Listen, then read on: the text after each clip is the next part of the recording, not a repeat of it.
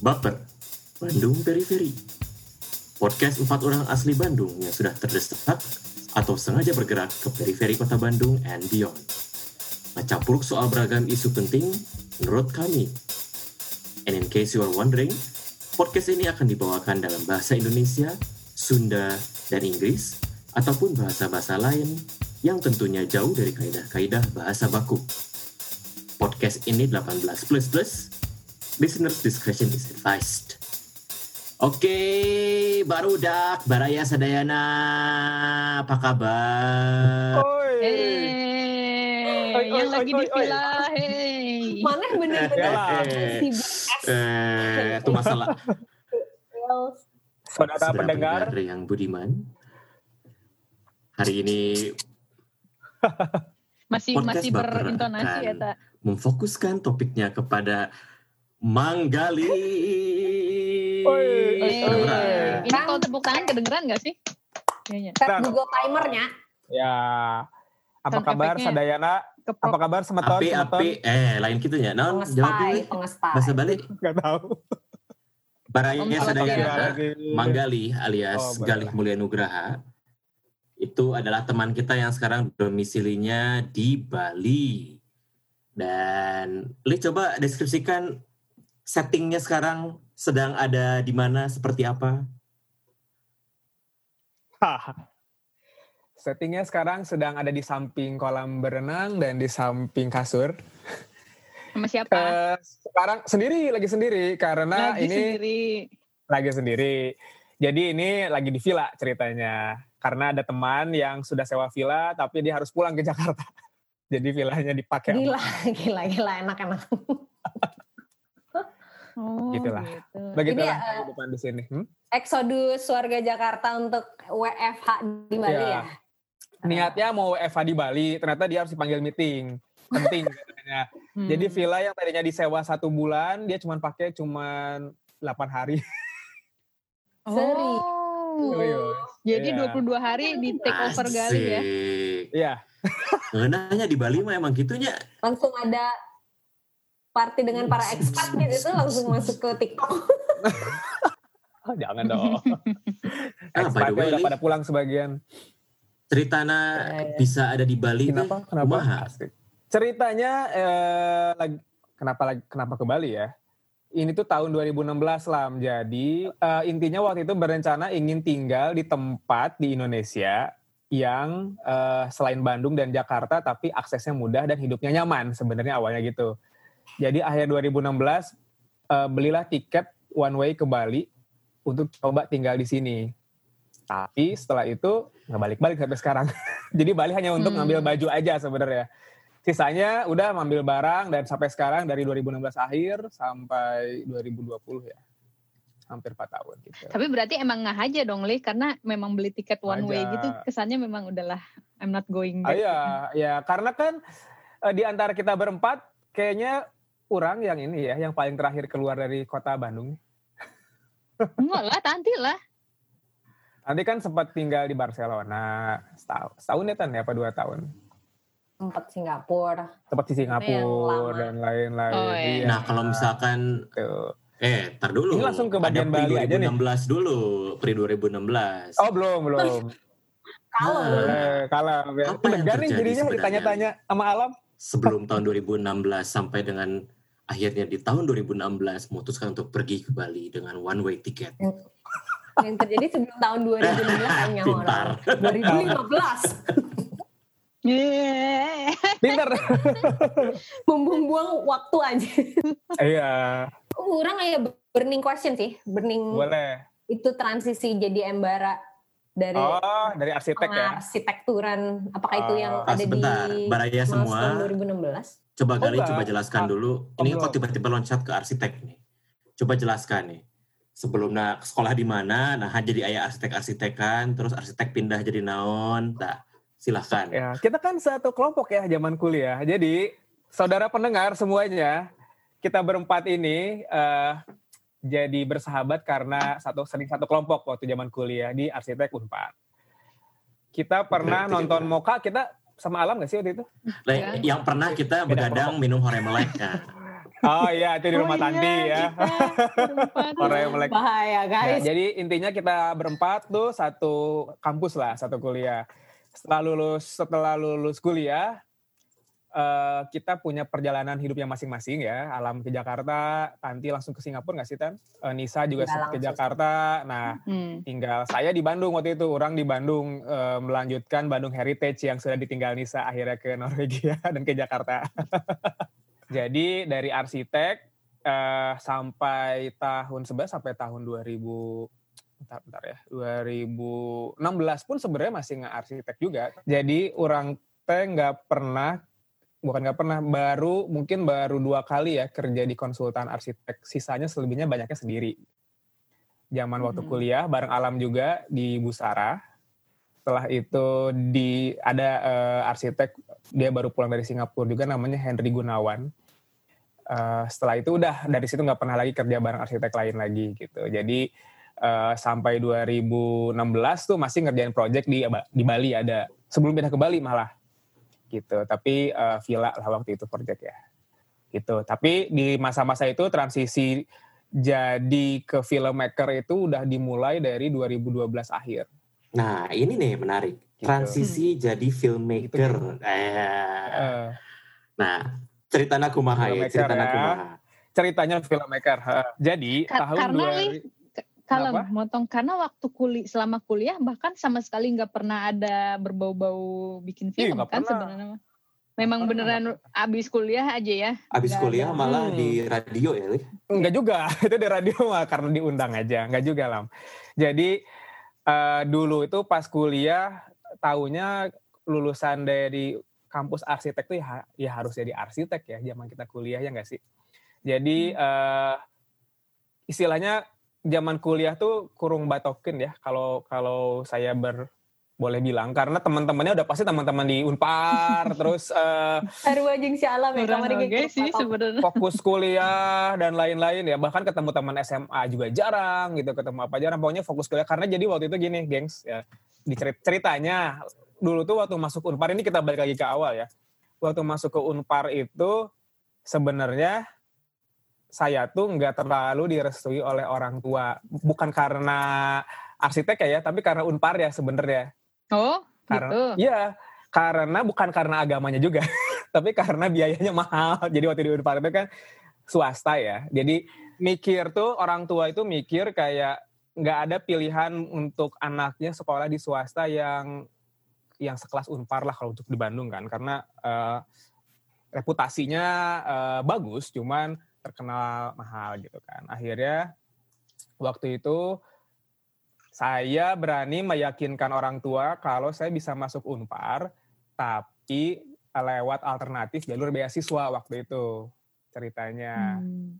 Karena Ah, ya, orang beasiswa. Nah, baru tahu kan? Ternyata nih ada. Jadi kebetulan tetangga di rumah waktu itu orang ini apa namanya tata usaha tapi di Hmm. eh, fisik. Dia tuh bilang sebenarnya di Unpar itu ada eh, dana dana lestari dibilangnya ya. Nggak tahu. eh, jadi di, di yayasan Katolik itu tuh ada dana, dana lestari. Jadi kayak satu lembaga di dalam yayasan yang mengelola keuangan eh, yayasan Katolik ini sebenarnya untuk pendidikan. Entah sumber dananya dari CSR atau memang memang ada dana investasi dari eh, biaya pendaftaran atau apalah nggak tahu pokoknya. Jadi ada dana yang memang harus diserap untuk jadi beasiswa waktu itu tuh. Nah, orang ikutlah akhirnya eh, programnya karena waktu awal masuk itu belum ada IP kan, jadi masukinlah lewat nilai rapot waktu itu. Eh, rapot apa UAN ya? Pokoknya nilai-nilai yang di masa SMA lah. UN. Dulu kita Jadi- masih Eptanas Oh, kan? UAN, UAN, UAN. U- UAN, UAN, UN, eh itu. Ujian akhir UAN nasional. apa UN ya? Oh ya Wan. Karena arsitek Unpar itu kan salah satu yang favorit ya. Favorit maksudnya yang banyak yang daftar lah.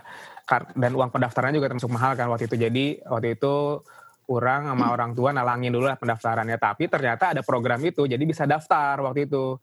Bisa daftar dan ternyata di arsitek itu yang daftar cuma orang sendiri. jadi gak ada saingan. Oh gitu. Jadi nggak ada saingan. Jadi dua semester pertama dikasihnya berupa uang waktu itu. Uang buat ngeganti uang pendaftaran sama buat beli-beli perlengkapan lah waktu itu. Tapi Hmm. setelah itu dikasih beasiswanya berupa pemotongan SKS jadi eh, tapi syaratnya adalah orang IP-nya harus naik. Jadi maksudnya eh, bertahap ya. Jadi eh, dari misalkan dari 3, 3, koma berapa, 3, koma berapa, misalnya bertahap, tapi jangan sampai a- a- di awal udah gede, ke sananya turun gitu. Wa- Walaupun Hmm. misalkan tiga setengah, tapi tiba-tiba setelah dapat beasiswa malah jadi 3,2 Hmm. atau malah jadi 3,1. Nah, itu tuh bisa dicabut itunya eh, beasiswanya. Nah, jadi waktu itu tuh zaman kuliah tuh orang tuh fokus kuliah tuh hanya buat ningkatin IP tapi dikit-dikit. Hmm. Ya udah kalau gitu dimulai dengan dua aja atau satu koma gampang kan jadi naikinnya. tadinya mikirnya gitu nih tapi orang teh nggak tahu ya pas semester satu meren terlalu excited atau apa ya. Pokoknya udah dapet tiga waktu itu tuh. Enggak Jadi, gitu. anj- Hmm. Eh, orangnya menye- agak anjir kalau gini jadi susah dong ke depannya gitu kan. Tadinya kan orang pikir kalau 2,8 lah atau berapa jadi kan enak ya ningkatinnya. Jadi intinya selama kuliah teh orang teh fokus buat nge-maintain itu sebenarnya. Makanya kurang batok kan karena supaya nantinya maksudnya cita-citanya itu adalah membuktikan ke orang tua kalau saya bisa kuliah di Unpar tapi nggak mengganggu keuangan keluarga waktu itu. Sukses ceritanya. lah ya terbukti. seperti itu. Eh, makanya ngejarnya empat tahun kan akhirnya. Tapi ya udah setelah itu lulus be- walaupun waktu itu sempat eh, SAA waktu itu dapat dosen pembimbing yang kurang menyenangkan sehingga saya dapat C.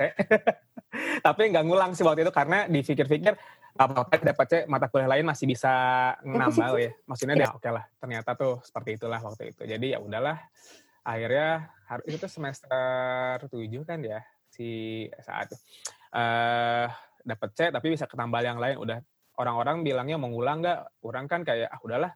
Nggak ngejar nilainya seber nggak ngejar si eh, SAA-nya sebenarnya cuman ngejar poinnya itu tadi ya kira-kira masih bisa nggak nih satu semester lagi buat dapat beasiswa waktu itu konsultasi ke orang dana besarnya oh ternyata masih bisa oh ya udah lanjutlah ke eh, semester selanjutnya kita akhirnya satu dosen pembimbing nih sama Bu Tuti gitu udah tadi eh, sampai mana sih? Ya, Udah ya? terus gimana ceritanya sampai transisi Setelah SAA. dari kuliah arsitektur sampai terus transisi ya 2012 ya tadi jadi filmmaker. Nah, itu Ah, menarik tuh. 2012. Nah, jadi selalu hmm, setelah lulus kuliah kan orang inilah eh, sempat kerja di beberapa konsultan arsitek, tapi nggak konsultan besar ya. Jadi eh, ya kayak Bu Sarah Ginting, terus tadi Henry Gunawan dan lain-lain. Nah, terus dari situ sempat juga sendiri sama teman-teman sih, termasuk sama omnya Tanti pernah. Masih inget ya Tan? Jadi ada sama omnya Tanti ter- Tanto. bikin konsultan juga. Ya, terus eh ya merasakan langsung lah kayak oh ternyata bikin konsultan tuh tidak seindah impian zaman kuliah ya ternyata.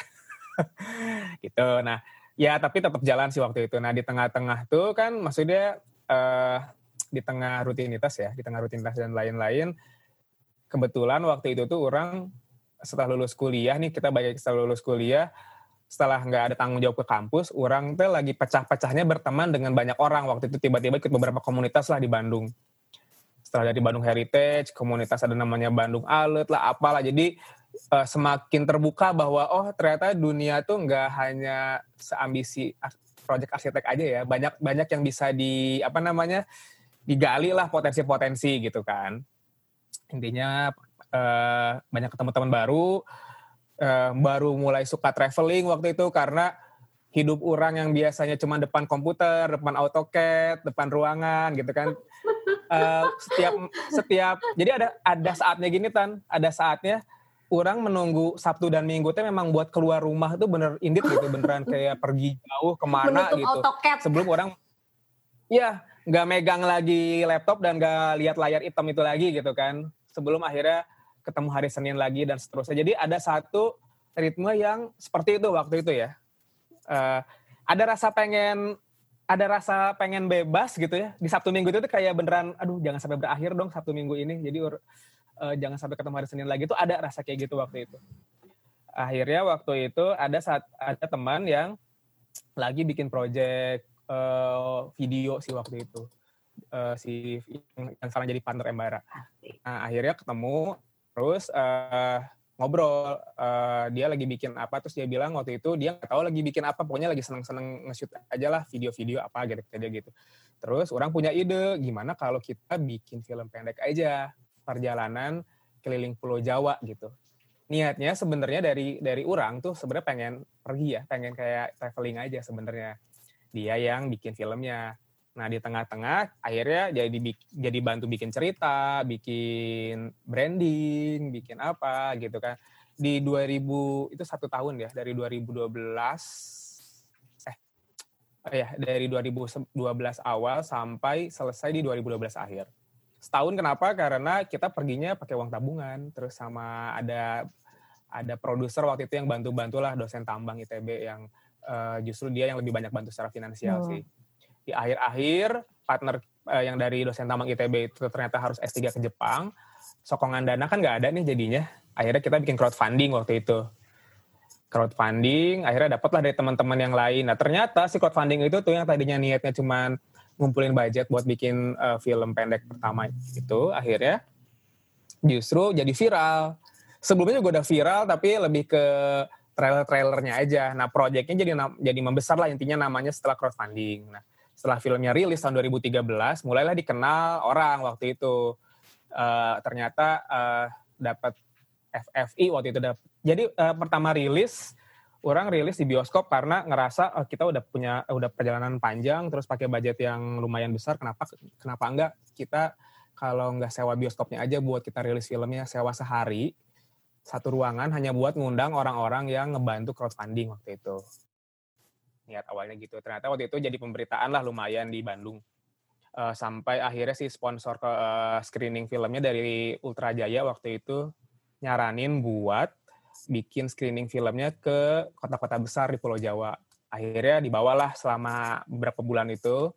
Jadi kita screening ke beberapa komunitas, terus di Jakarta, di Jogja, Surabaya gitu kan ketemu orang-orang. Akhirnya mulailah diomongin sama orang-orang, diperbincangkan. Nah, di tengah-tengah situ eh mulai datanglah project-project satu persatu, project-project per videoan ya. Dari mulai bikin travel show, bikin eh, iklan pariwisata lah dan lain-lain. Nah, ternyata di tengah-tengah itu baru merasakan oh project. Nah, ternyata si project-project video ini tuh ininya eh, cepet ya, apa cash flow-nya. Projectnya juga jangka waktunya paling berapa ya? Paling maksimal sebulan, terus cash flow juga cepet kan. Orang mengcompare dengan sebelumnya orang menjadi arsitek tuh, wah eh, ba- lama nih gitu kan. Maksudnya prosesnya lama, sama turun terminnya kan ada jeda waktu dan lain-lain. Jadi orang berpikir waktu itu memang di akhir 2013, jadi waktu selama 2013 ini sempat berjalan beriringan nih. Jadi ada project, waktu itu project hotel barengan sama Opik, bikin hotel di Bandung. Sama orang harus keliling Jawa buat bawain Epic Java waktu itu karena sebagai penulis dan produser juga. Jadi orang pernah ada di satu tahun di mana punya dua identitas kali ya dan punya dua tanggung jawab. Eh, antara arsitek yang harus tetap jalan karena waktu itu bikin hotel juga nggak bisa eh, hampir hampir hampir setahun ya kalau nggak salah dari mulai perencanaan sampai konstruksi orang harus ada di project sama orang harus izin buat eh, bawa tim screening ke beberapa kota di Jawa gitu kan. Nah di situ itu di by way itu tahun, hotel yang di depan BPI itu bukan nih? oh, bukan BP bukan itu mah masih sama BPI. Bu Sarah. Ada di Beda. jalan ini nih Otista, bukan? jalan Otista Otista gitu lah Heeh, renovasi dah waktu Oh, itu hotel. Cuman lumayan lumayan heboh oge sih waktu itu. Nah di 2000 2013 akhir eh, menjelang 2014 awal itu ya, orang teh eh, pokoknya pas masa tahun baru lah, inget tahun baru menjelang 2014 itu orang teh harus ada perenungan lah waktu itu ya. Harus milih nih mau milih mau milih mana karena kalau kalau berjalan di dua tanggung jawab jadinya nggak fokus dua-duanya ya. Maksudnya ke arsiteknya jadi nggak Hmm. terganggu ke film video juga itu kan dunia yang sangat baru ya dunia yang sangat baru masih banyak tantangan yang harus dicoba gitu itu juga menarik gitu kan jadi harus memilih akhirnya waktu itu di 2014 orang coba untuk udah deh eh, arsitek udah pernah nih udah pernah coba gitu toh Hmm. juga eh, apa namanya skillnya masih ada lah waktu itu berpikirnya gitu kan. Cobalah terjun akhirnya ke dunia video dan film yang sama sekali buta waktu itu bukan sama sekali buta baru lah sama sekali baru. Belum meras belum merasakan kayak gimana sih belum banyak lah belum banyak pengalaman jadi masih penasaran aja ya gitu intinya. Udah deh jadi dari 2014 mulai uh, nerima proyek-proyekan video yang ternyata pada saat itu kayak oh cepet ya.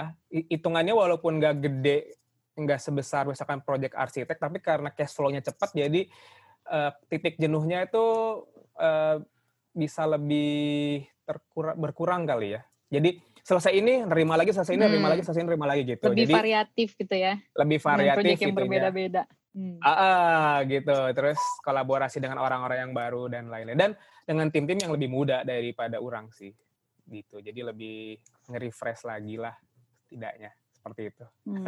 itu berarti tim-timnya anak film dong li nggak nggak ada justru karena nggak ada yang anak film nih jadi semua tuh uh, serba mencari formula yang sendiri-sendirilah. Hmm. Orang arsitek, ada satu partner orang anak seni murni, terus yang bikin musik waktu itu anak IT dari Maranata.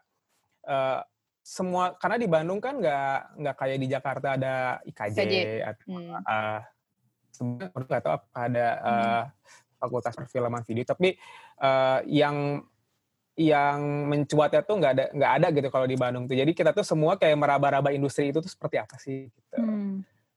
Mulai networkingnya gimana gitu. Gitu sih.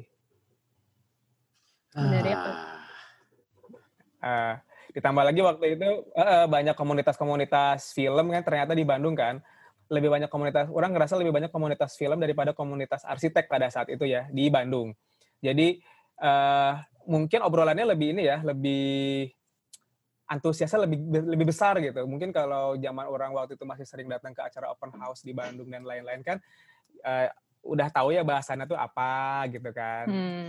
Uh, kadang ketemu teman sendiri atau ketemu dosen sendiri dan lain-lain. Nah, ini tuh hal yang berbeda gitu, Nis. Dan hmm. dari latar belakang pendidikan yang berbeda-beda pula, terus mereka kayak pengen dapat uh, apa namanya uh, tips dong gimana caranya jadi gini. Terus orang yang bukan siapa-siapa harus membagikan tips aja nah terus kita sampai gini ada yang menarik waktu itu sempat uh, beberapa kali jadi dosen tamu malah waktu itu nis. Wow di mana? Di SBM ITB uh, Persetia wow. Mulia. Iya ya do, uh, justru kampus-kampus bisnis Uh, tapi itu setelah benar momentum si Epic Java itu ya berarti langsung setelah datangan banget. Ya, di 2014 itu. Uh, 2014, ya. Uh, uh, jadi kan uh, mereka tuh tertarik karena bahkan di Unpar juga ber, berapa kali waktu itu ya di, 2014, di waktu kita 10 tahunan. Oh yang yang yang, yang 10 tahun yeah. 10 yeah, tahun 2014. kita ya. Uh, 2014 di, di Unpar tuh dua kali di arsitek sama di uh, visi pernah juga orang. Ya itu membagikan tips apa nih kalau misalnya mereka itu sekolah bisnis atau jurusan lain selain perfilman atau bisnis? Jadi uh, mereka jadi si dosennya itu ingin menggambar ngasih gambaran gitu ya ke mahasiswa bahwa sebenarnya orang tangkap sih waktu itu uh, bahwa mahasiswa itu uh, apa yang yang orang kasih sih sebenarnya lebih ke mindset kita pola berpikir kita sebagai mahasiswa waktu itu ya kalau udah berkarir kan sesuatu hal yang bisa berbeda gitu dan itu nggak apa-apa juga gitu kayak orang kan memberi gambaran kalau orang sebagai arsitek tiba-tiba jadi filmmaker bukan berarti kalau orang-orang berpikir kan kok bisa loncat sih dari dari arsitek bikin film gitu kan. Hal yang berbeda seolah-olah seperti itu. Orang ngerasanya justru ah enggak juga karena kita kan sering mengalami uh, proses berpikir, mendesain ya enggak sih? Berkonsep. Tapi, nah itu tapi tuh Tapi saya emang ngelihatnya enggak enggak loncat pisan sih dari arsitek ke ah. filmmaker uh, mah. Hmm. Kalau kalau jadi arsitek kan pasti ngerasa ya. Tapi yeah, kan iya, orang-orang yeah, yeah. di luar kita nih kayak ngerasanya beda gitu yang tadinya ngurusin bangunan hmm. sekarang ngurusin film. Sebenarnya kan dua-duanya sama-sama kita mengkreat karya ya. Uh, hmm. Terus uh, sama-sama membayangkan siapa yang siapa penikmat karya kita gitu kan. Itu teh sama yang yang satu cuma beda hasil akhirnya aja. Kayak yang satu mah berbentuk ruang bangunan, yang satu lagi berbentuk visual gitu, audio visual. Ngomong-ngomong soal loncat ya. Jadi uh, sama ngasih semangat aja buat anak-anak Oh soal loncat kenapa? terus kenapa harus loncat ke Bali, Lih? Kan di Bandung gak bisa.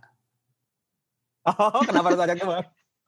Uh, jadi gini lah, itu sebenarnya kalau dari situ sampai titik Bali itu ada ya maksudnya panjang lah ininya ya. Teman orang ringkas. Kenapa harus ke Bali? Karena kalau itu lebih ke ini lebih ke project orang waktu itu. Jadi uh, setelah selesai Epic Java, terus waktu itu sempat bikin film dokumenter juga Indonesia Kirana, ini yang film panjang ya. Uh, waktu itu juga Indonesia Kirana dapat FFI juga eh, nominasi sih waktu itu. Tapi orang teh ada project di antara tengah-tengah itu yang udah mulai dari 2014. Jadi 2014 bisa jadi momentum juga ya, besar juga momentumnya setelah orang memutuskan buat jadi filmmaker. Jadi di 2014 itu orang sempat nyepi di Bali pertama kali. Waktu masih tinggal di Bandung. Jadi beli tiket ke Bali hanya untuk nyobain gimana sih rasanya nyepi di Bali. Di saat orang-orang Bali pada ngapain ke Bali pas lagi nyepi gitu kan.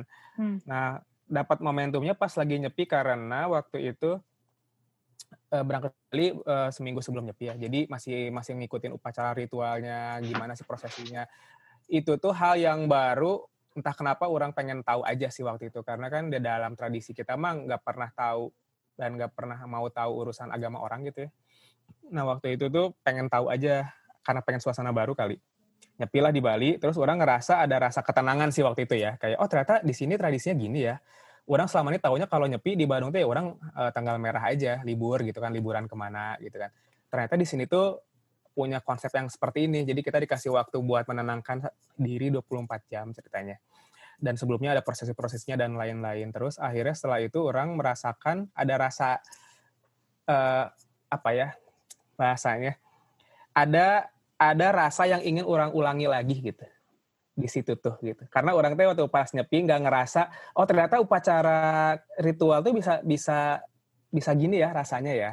Orang teh pada saat itu nggak pernah ngerasain rasa itu kalau di uh, rit, uh, ritual-ritual di agama sendiri kayak misalkan lagi lebaran atau lagi apa rasa syahdunya teh kurang sih bagi orang waktu itu ya. Nah, itu tuh pas nyepi itu ngerasa. Nah, di situ akhirnya uh, mulai kayak berjanji ya, bukan berjanji, be, meminta kali ya pada nyepi gitu teh. Uh, tolong uh, saya pengen mendapatkan suasana seperti ini lagi di dalam budaya mana pun di dunia ini gitu ceritanya waktu itu. Karena tiba-tiba jadi ketagihan. Akhirnya bikinlah waktu itu menginisiasi film yang akhirnya namanya Homa judulnya. Nah si Homa itu tuh cikal bakal orang pindah ke Bali karena dari 2014 sampai 2016 itu, berarti dua tahun, orang itu keliling ke beberapa tempat, baik di Indonesia maupun di beberapa negara, hanya buat mencari ritual waktu itu. Hmm. Sampai ke India, ke Jepang, ke Nepal, gitu-gitu itu sebenarnya uh, itu tadi bagian dari rasa pengen pengen dapetin lagi gitu feel yang berbeda seperti itu gitu akhirnya di 2016 kenapa ke Bali? Karena orang ngerasa wah kalau masih di Bandung uh, orang mak maksudnya masih di Bandung terus lompat-lompat ke beberapa negara cuman seminggu sebulan gitu-gitu kan. Kayaknya masih kurang waktu itu. Orang harus masuk ke masyarakatnya ceritanya gitu ya di 2016 akhirnya 2016 itu nekatlah ke Bali karena itu. Karena orang harus bisa ngeblend nih buat bisa memahami itu tuh gitu. Hmm. konsep konsep spiritualit spiritualitasnya tuh orang harus ngeblend dulu kalau cuman mengamati kayaknya belum belum apa ya namanya ya belum sempurna lah waktu itu ceritanya gitu. Jadi kembali lah awalnya gitu lah jadi gitu. jadi ngeblend dengan budaya dan ya. masyarakat di situ. Awalnya ceritanya gitu Ini nih. jadi kayaknya waktu itu sebulan karena kita berempat yang kajiannya lumayan spiritual ya. Jadi kembali kembali teh kembali tes Wah, tapi di berdasarkan pengalaman spiritual ya Li, ya, bukan gara-gara cuan ya. Belum. Ah, kalau masalah cuan di Bali itu masih belum kegambar lam, karena gini orang-orang ya uh, di sekitar waktu itu berpikir kayak selama ini kan project buat video dan film baik itu berupa iklan maupun apa acara-acara uh, web series, travel show dan lain-lain tuh hampir 90% klien itu dari Jakarta justru kan. Jadi Bandung Jakarta itu udah termasuk yang terbaik lah pilihannya waktu itu. Kalau kenapa nggak pindah ke Jakarta aja buat membesarkan nama Embara Film waktu itu kan? Uh, orang ber, justru memilih ke Bali karena awalnya saya mau saya harus menyelesaikan proyek ini dulu gitu kan. Kedua baru berpikir gimana bisa nggak menarik klien dari Jakarta ke Bali. Nah itu tuh uh, justru pilihan pikiran kedua lah hmm.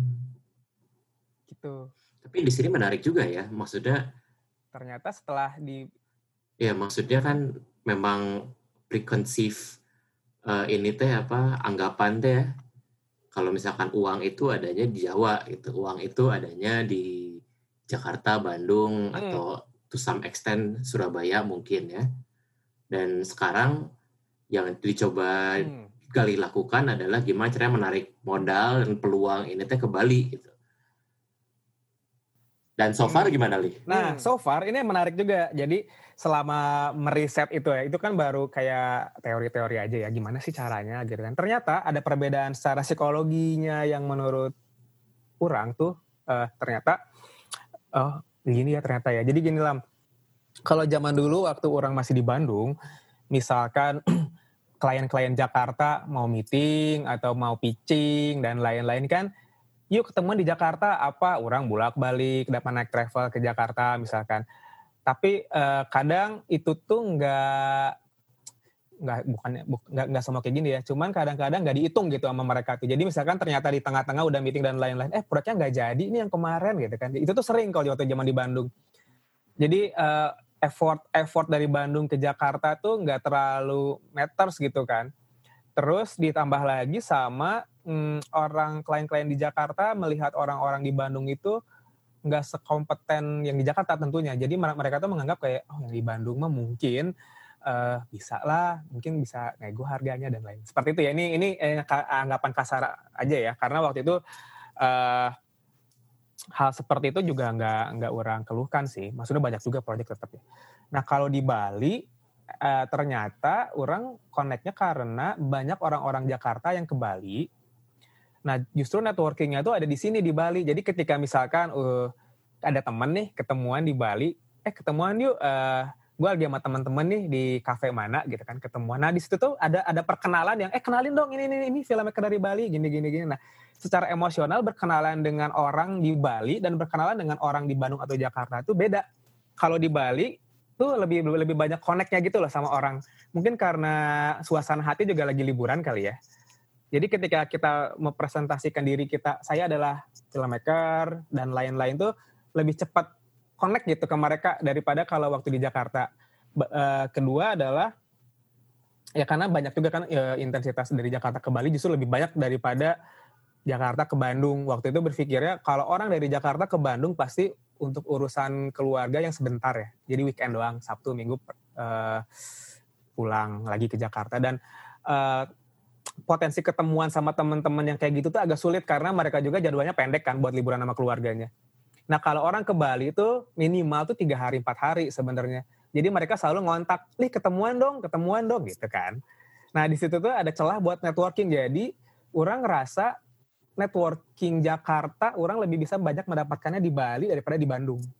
Ya jadi format suasananya tuh sangat mempengaruhi Ternyata, chemistry gitu ya antara orang-orang gitu. Jadi bisa lebih friendly, bisa lebih membangun networkingnya lebih mudah gitu. Sama ini nih biasanya mereka tuh misalkan kalau mau ketemuan ya, eh, pertama orang yang ngontak ngontak orang selama orang di Bali itu memang memang lebih sedikit daripada yang ngontak waktu orang di Bandung. Ngontak tuh buat ketemuan, buat meeting dan lain-lain. Tapi mereka tuh sekalinya ngontak tuh jadi, jadi lebih serius kalau di Bali karena Hmm. kan kalau meeting di Jakarta mereka harus ngongkosin orang dari Bali ke Jakarta ya.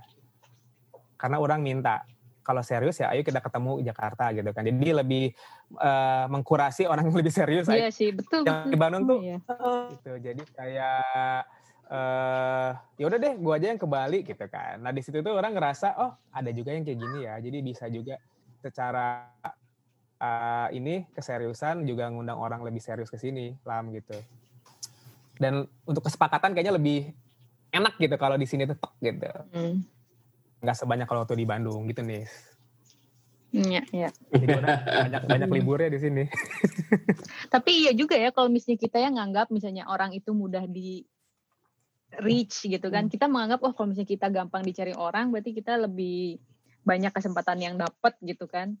Tapi kemudian Hmm. orang teh atau klien tuh menganggap ah inilah trial aja dulu lihatlah gampang lah soalnya gampang dicari misalnya di Bandung di Jakarta. Tapi pas udah giliran jauh wah berarti kita harus serius gitu. Kalau bisa mah jangan sampai gagal nih sama galih yang di Bali gitu jauh gitu. Ya tapi Iya. untuk sampai ke level itu harus kedengeran dulu namanya di Jakarta. Eh, Iya betul. baru udah ke Bali gitu kan. Iya sih. Memaneh lain sasaha, terus ke Bali, Jadi jadi harus establish sana nyalihnya sanurek udah. Siapa kamu? Bener juga sih Lam. Jadi orang tuh ngerasa zaman waktu 2013 itu tadi diceritain eh, udah mulai screening di Jakarta, eh, terus kayak apa namanya dapat festival film dan lain-lain tuh ter, eh, mempengaruhi juga. Jadi sekarang kan eh, PR-nya adalah gimana mendatangkan networking dari Jakarta ke Bali itu kan, gitu. Ternyata Ah. seperti itu. Ini ya, project-project eh, filmnya bikin anda keliling-keliling tuh keliling Indonesia, jalan-jalan men, keliling beberapa negara di dunia Ah. gitu ya. Terus berhubung orang ngarana Hmm. Bandung periferinya, selama keliling-keliling gitu teh ada nggak Nah, sih gimana gimana? ayat tuh sih naon anu di kangenin dari Bandung gitu atau Bandung mah yang geus lah. Kalau dikangenin terus terang ya Lam ya, terus terang orang teh di Bandung ya kita kita lah ya, eh, orang dari lahir malah di Bandung. Jadi pendengar saya itu lahir dari Bandung sampai umur ya kurang lebih 2016 tuh baru pertama kali tinggal di luar Bandung tuh di Bali sebenarnya kan. Di Jakarta pernah tapi nggak nyampe setahun ya, kayak cuman beberapa bulan doang. Jadi eh, zaman kita di Bandung yang Bandung kota inilah, kota juara inilah itulah dan lain-lain gitu. Eh, ketika orang berkeliling-keliling tuh ternyata nggak segitu besarnya gitu nama Bandung teh menjadi sebuah perbincangan. Heeh, jadi orang teh ngerasa kayak ya itu tadi kan ngerasa dulu dulu mah kurung batoken ya semua tuh kayak wah Bandung hebat. Eh, Tuhan juga menciptakan Bandung sambil tersenyum gitu kan istilahnya. Jadi eh, apa namanya jargon itu teh terlalu membesarkan orang Bandung sih orang teh ngerasa ya. Jadi jadi ketika melihat dunia yang lebih luas ada rasa ketagihan yang membuat orang teh ngerasa kayak ternyata dunia luas gitu maksud orang teh nggak nggak kita tuh nggak bisa nggak bisa cuman berhenti di situ aja. Jadi eh, ban- ju- justru banyak yang orang kayak eh, terbukanya lebih ke Bandung tuh harusnya bisa lebih dari lebih dari yang yang saat itu di apa namanya di disuarakan gitu kan. Atau enggak ju- justru kebalikannya orang ngerasa kayak eh ya ternyata Bandung tuh nggak segitunya ya gitu kan. Ternyata banyak kota-kota yang lebih menarik gitu kan. Ya lebih kreatif lebih berpikir berpikiran terbuka dan maju tuh lebih banyak juga di luar Bandung gitu. Maksud orang tuh nggak hmm, nggak apa ya namanya nggak sespesial itulah pada akhirnya terhadap terhadap identitas Bandung orang sebagai orang Bandung gitu. Walaupun orang-orang selalu bilang misalkan yang di Indonesia deh jangan jauh-jauh ke luar negeri gitu selalu dibilang kayak uh dari Bandung pasti pintar pasti kreatif gitu-gitu. Nah orang tuh ngerasa kayak eh, enggak kok kayak kayak orang waktu itu di, di Palu terus ya selain Bali lah ya atau di mana gitu orang ngerasa kayak "Hmm, enggak segitunya kok ternyata gitu. Tapi orang cuma saya sendiri yang merasakan karena kan emang lama di Bandung gitu. Tapi kurang lebih orang merasakan hal yang sama sih. Kita maksudnya rekelan karena karena iya ya terus terang ketika di Bandung itu banyak banyak banyak dikelilingi oleh eh, istilahnya naon ya yang yang mengagung-agungkan Bandung sehingga sehingga memuji-muji diri sendiri gitu sehingga Bandung kota Hmm. kembang Bandung Hmm. ah Bandung teh eh, climate-nya paling enak se Indonesia gitu orang Belanda aja suka dan lain sebagainya dan lain sebagainya gitu. iya dan somehow untuk orang yang termasuk orang gitu ya yang menghadapinya dengan cara yang salah gitu malah me- menghalangi orang untuk berkembang oke in the gitu ya merasa orang geus di Bandung orang Hmm. geus di Bandung naon deui sih gitu. Itu sih tan. Tapi orangnya tapi orang orang maksudnya kalau misalnya mau nyari ide-ide yang emang out of the box tapi tetap em, misalnya if sesuai dengan teknologi atau keadaan sosial orang seringnya diskusi sama teman-teman orang yang circle Bandung lagi sih. Jadi ada somehow nggak tahu ya mungkin uh, dulu ada maksudnya dengan orang-orang ini orang ada pengalaman bekerja, pengalaman udah uh, kaditu kadieu, uh, ada failure, ada story gitu ya. Jadi cuman emang rata-rata dari dari Bandung. Nah, jadi orang misalnya kerja di luar Bandung, klien di mana atau apa misalnya tetap aja misalnya orang mandek brainstormnya sama mereka lagi padahal mereka gas di mana, nu saha di mana, tapi orang kadang-kadang kayak eh, ngobrol yuk gitu. Terus kayak uh, orang ayah kiki cek mana dan how masih frekuensinya orang masih bisa gitu untuk merasa kayak oh emang orang kayaknya kalau ada apa-apa pasti ke mereka itu bias ya belum tentu juga karena Bandung bisa aja karena orang-orang yang kredibel hmm. gitu cuman hmm, kayak gitu ya kayak emang emang the spirit of creative sama creative thinking di di lingkungan circle orang nu di Bandung emang seperti itu sih. Jadi jadi orang biasanya balik hmm. lagi ke situ. Tapi eh, tapi mun orang lain nanya nggak tahu ya saya tuh lebih mun misalnya ngomong Bandung atau kata alam kangen nggak Bandung.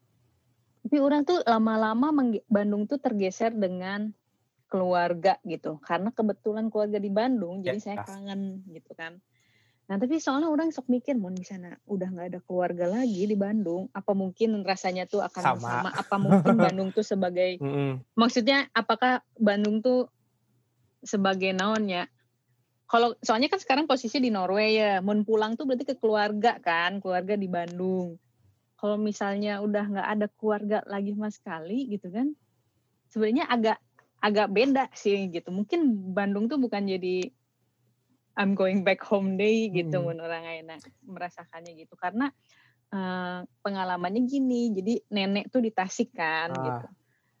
Setiap kesempatan liburan bahula waktu masih ada nenek selalu ke Tasik. Jadi merasa ke Tasik juga jadi rumah kedua gitu. Pas nenek udah nggak ada terus beberapa saudara nenek juga udah nggak ada, udah nggak banyak yang dikunjungi Tasik, sama sekali nggak pernah ke sana gitu. Dan sama dan juga mulai luntur nih si Tasik sebagai rumah kedua gitu. Jadi mungkin mungkin ya tanpa sadar kita semua Bandung itu tuh salah satu representasi dari keberadaan keluarga, kurang begitu. Mm -hmm.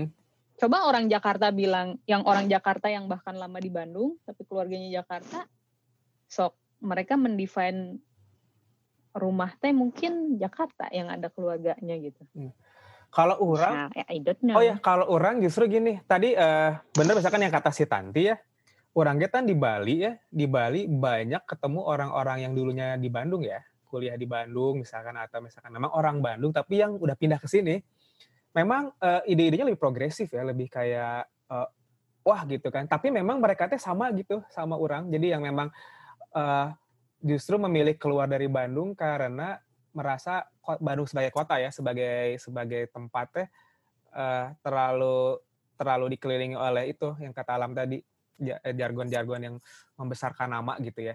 Jadi orang kalau ketemu teman-teman yang enak diajak ngobrol sefrekuensi bahkan di Bali pun atau di Jakarta pasti entah itu dulunya orang Bandung atau kuliah di Bandung selalu lebih menarik ya lebih enak. Apalagi kalau mereka tuh bisa ngomong bahasa Sunda.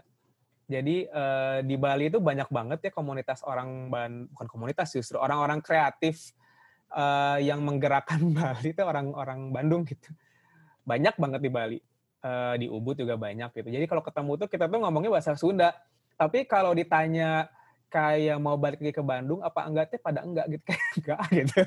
Cuman orang tetap ngerasa ada spirit Bandung juga di situ. Jadi spirit itu kayak uh, kalau kalau udah ngobrol masalah ide atau apa apa bisa sampai tengah hmm. malam lah gitu.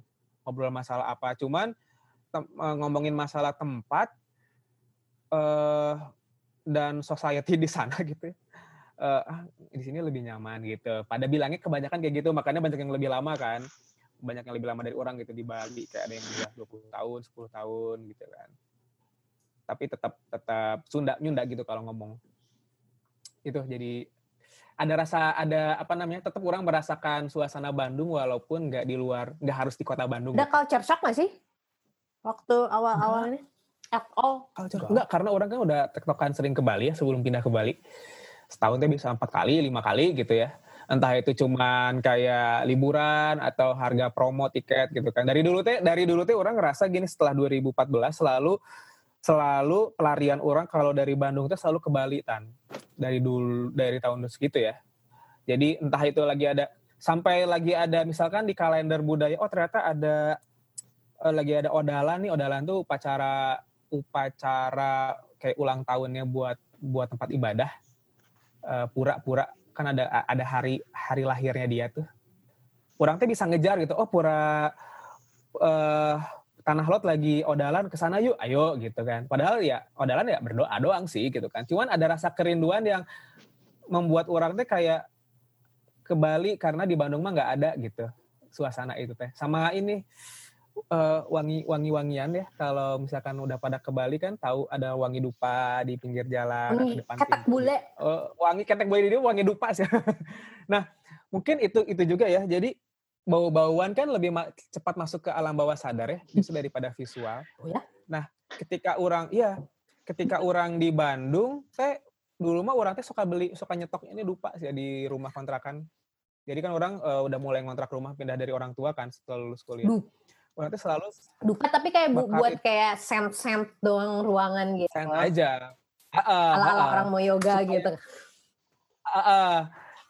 Hanya untuk kayak orang teh eh, merin- merindukan wangi itu gitu. Karena heeh, kalau di sini kan mana mau ke kafe ke mana atau mau sarapan pinggir jalan juga wangi itu tetap ada kalau pagi gitu kan. Kalau di Bandung Bali. kan nggak ada tuh wangi-wangi itu tuh gitu. Suka, ma- malah suka adanya wangi runtah gitu zaman dulu. Mah. wangi knalpot atau enggak wangi tahu gak sih eh, sampah yang eh, kerendam air lama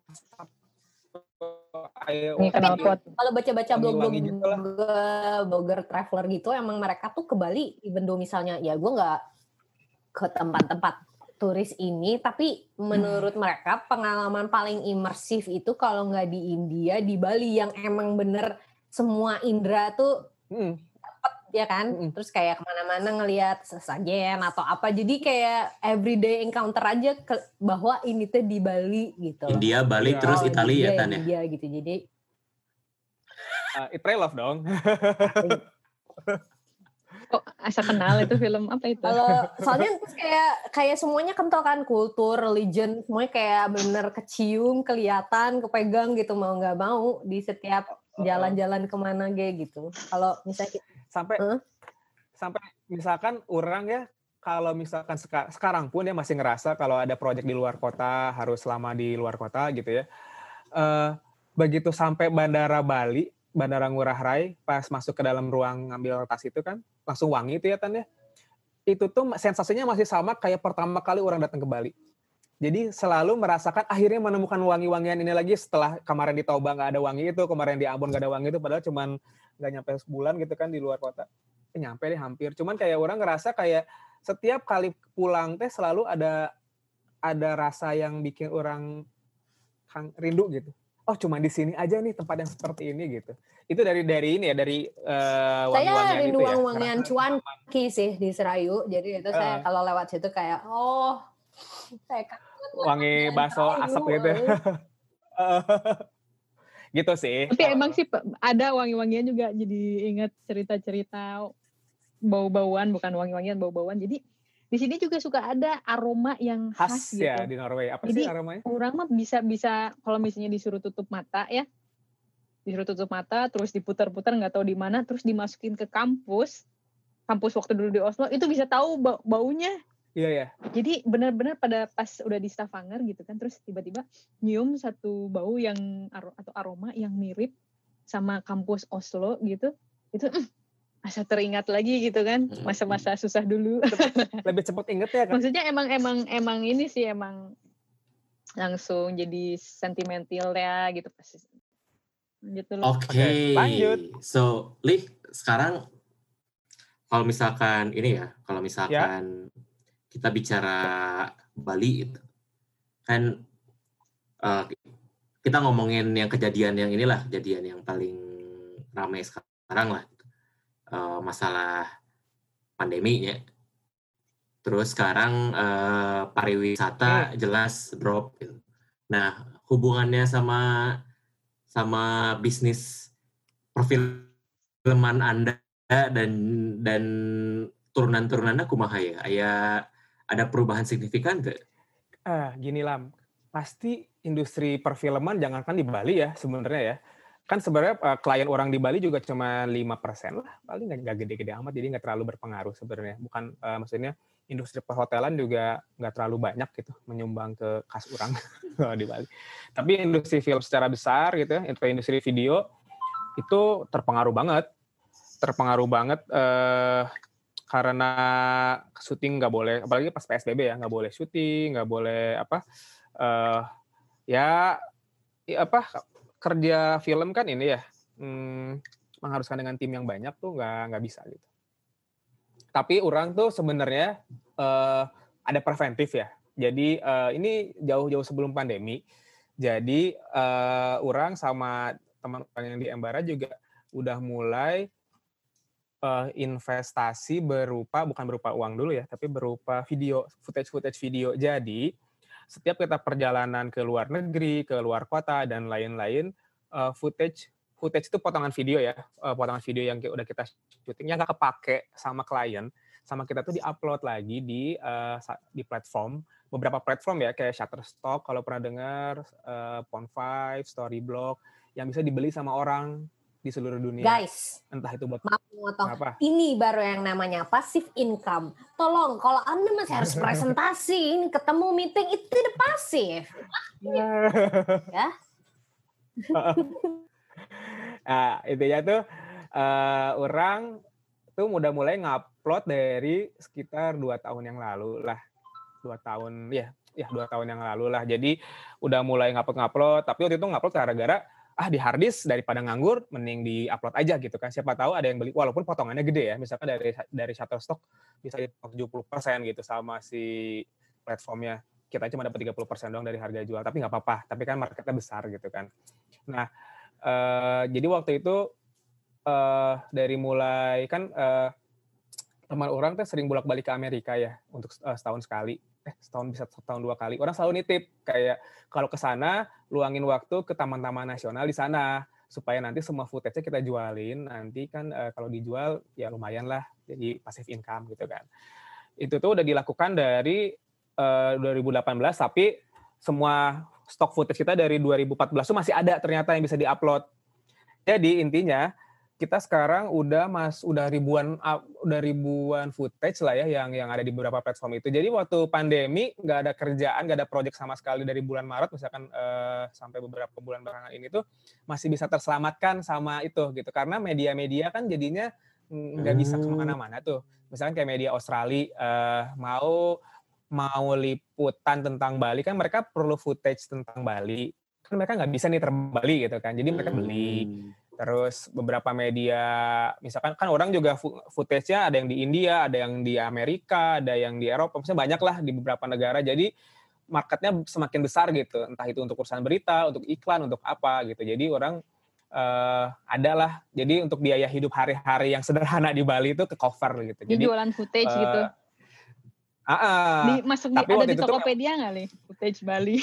Enggak, Nah, kayak kayak Tokopedia-nya ada namanya tuh stok uh, namanya uh, Shutterstock. Oh, st itu oh Shutterstock. Foto okay. sama footage uh, kan. Uh, yang ada watermark. Tapi yang gede uh, yang gede tuh si Pon 5 apa. Jadi mana tahu ini enggak sih uh, channel Facebooknya hmm, si hmm. Nas Daily, Nas Daily. Tahu tahu tahu. Tahu nggak? Ya sekarang pindah ke Singapura kan. Uh, uh. Nah, orang tuh pernah dipakai sama dia Iya, pindah di Singapura sekarang. Nah, misalkan footage orang pernah dipakai sama dia gitu kan dan lain-lain. Jadi oh banyak nah, itu ya, li, gitu. bikin kayak Nas Daily gitu li buat motivation hmm. videos gitu kan pengalaman spiritualnya lumayan kaya nih. Udah bacot.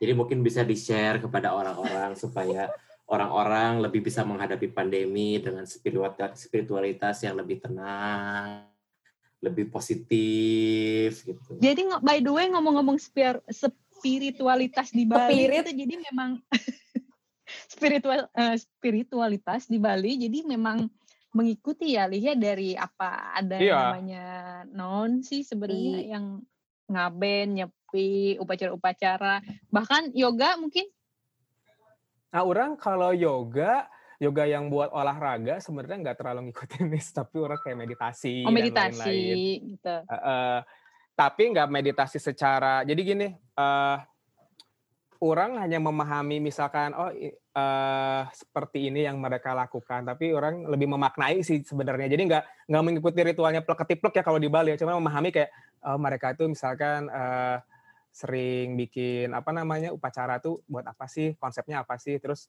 misalkan lagi upacara kan orang beberapa kali ikut upacara misalkan uh, kenapa sih harus warna bunga warna ini, kenapa harus ini dan ini tuh? Akhirnya pada akhirnya tuh dapatnya tuh bukan jadi ngikutin agama Hindu gitu, cuman kayak lebih memaknai aja uh, wisdomnya lah ya. Jadi kayak gitu hmm. nih. Ya kalau ngomongin masalah spiritual mah kan kayaknya panjang lagi gitu ya.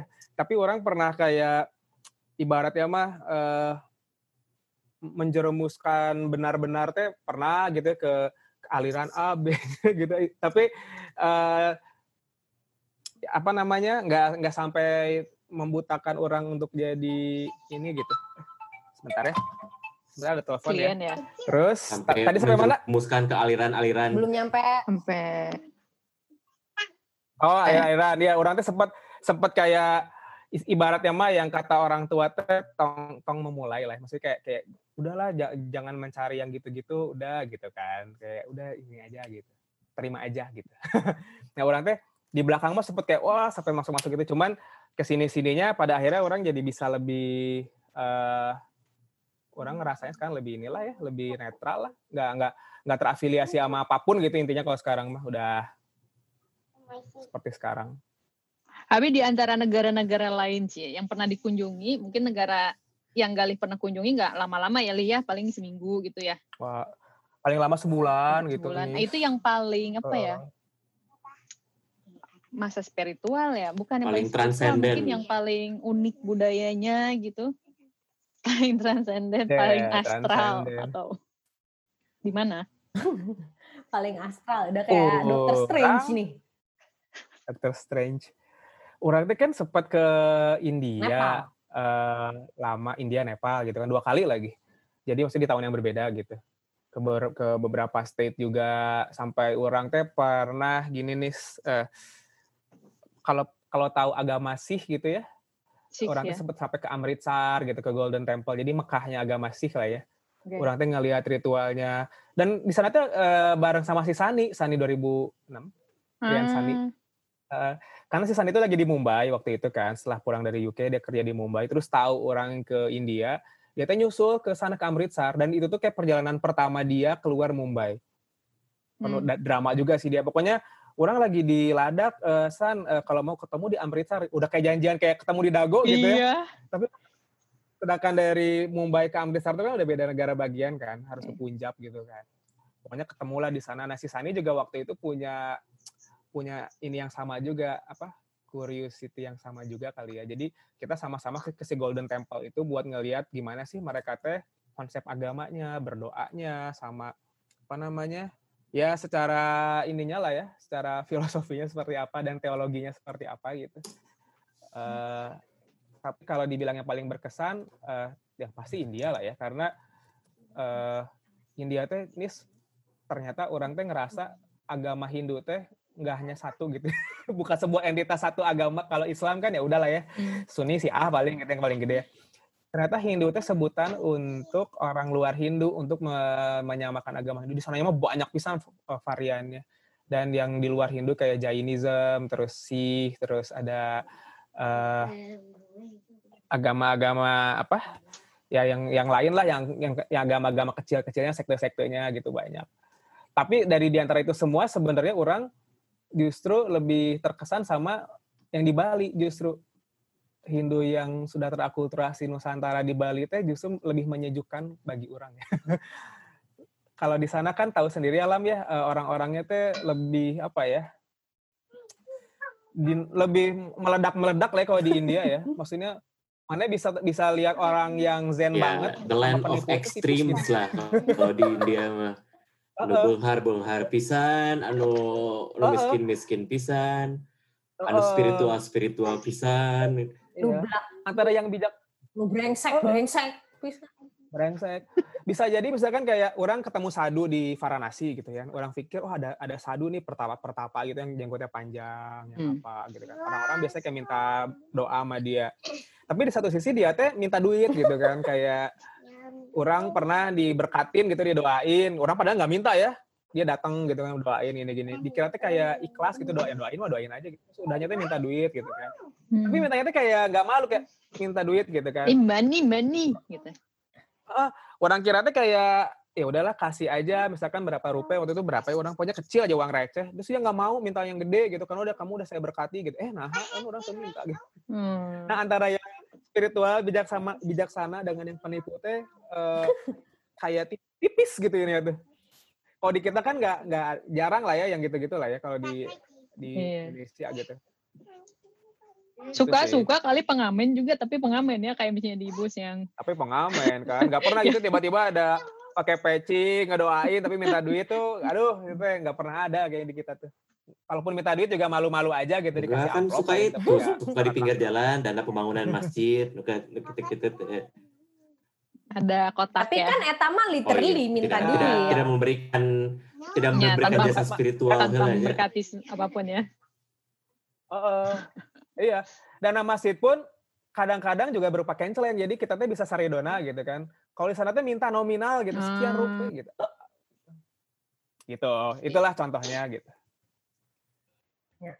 jadi kalau pernah dengar uh, salah satu quotes ceh dari uh, dari ag- agama Buddha lah ya.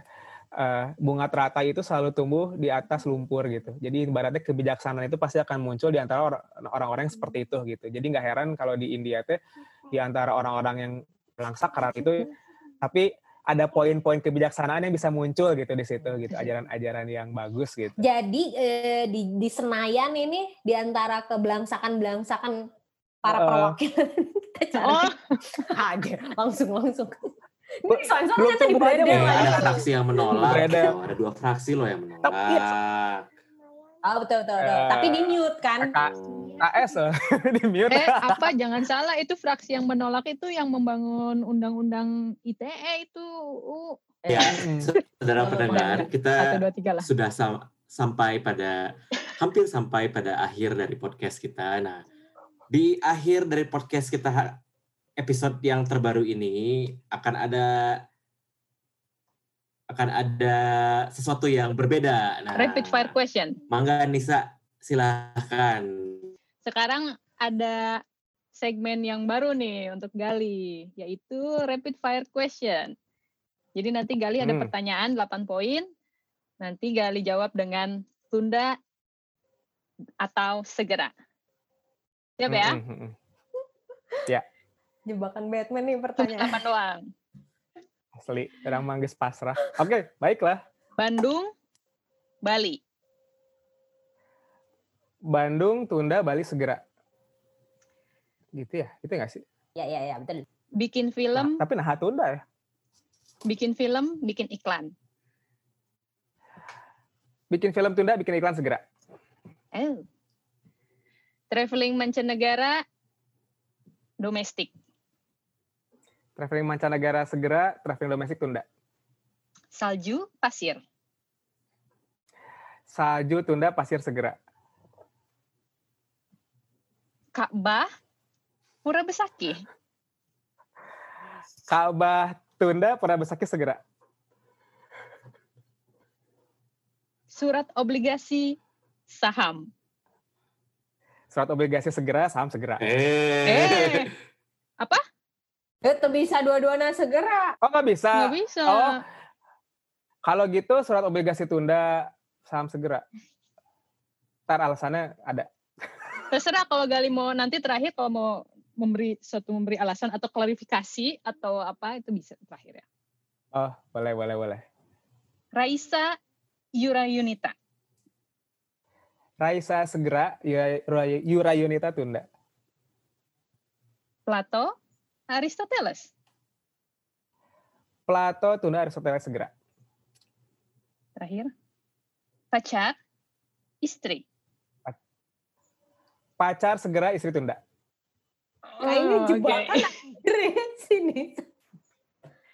Walaupun sebenarnya Aing dua-duanya tunda sih. Oh mana mun Rais Sembilan aja pertanyaan. Si Rayunita Rayunita Beliau teh di mana sih? memecah pertemanan. adiknya gembong orang nyaho eta hungkul Kenapa nggak Raisa atau Tulus, Nis? Anda ini gimana? Oh, iya ya. Nggak apa-apa. Wah, nggak bisa diulang. Raisa Kalau atau Raisa, Tulus Raisa tunda tulus segera. nggak aneh sih Tuh, tuh, tuh, ini. Terus langsung, ini bukan Batu, bukan anti klimaks, anti Baturan. klimaks. baturan urang. heeh. Hmm. Para pendengar baraya sekalian, demikianlah Quick, quick, quick. Draw My Life-nya Manggali. Terima kasih Manggali, terima kasih Neng Nisa dan terima kasih. Neng Tanti dari Norway, Sama-sama. Bali dan juga Yo, dari yo. Jakarta. Saya Alam dari. Singapura. Sampai bertemu. Mangga Baraya Sagala Wilujeng. Waktu apa pun Anda mendengarkan podcast ini. saya masih sore Yaudah. Dadah. Assalamualaikum.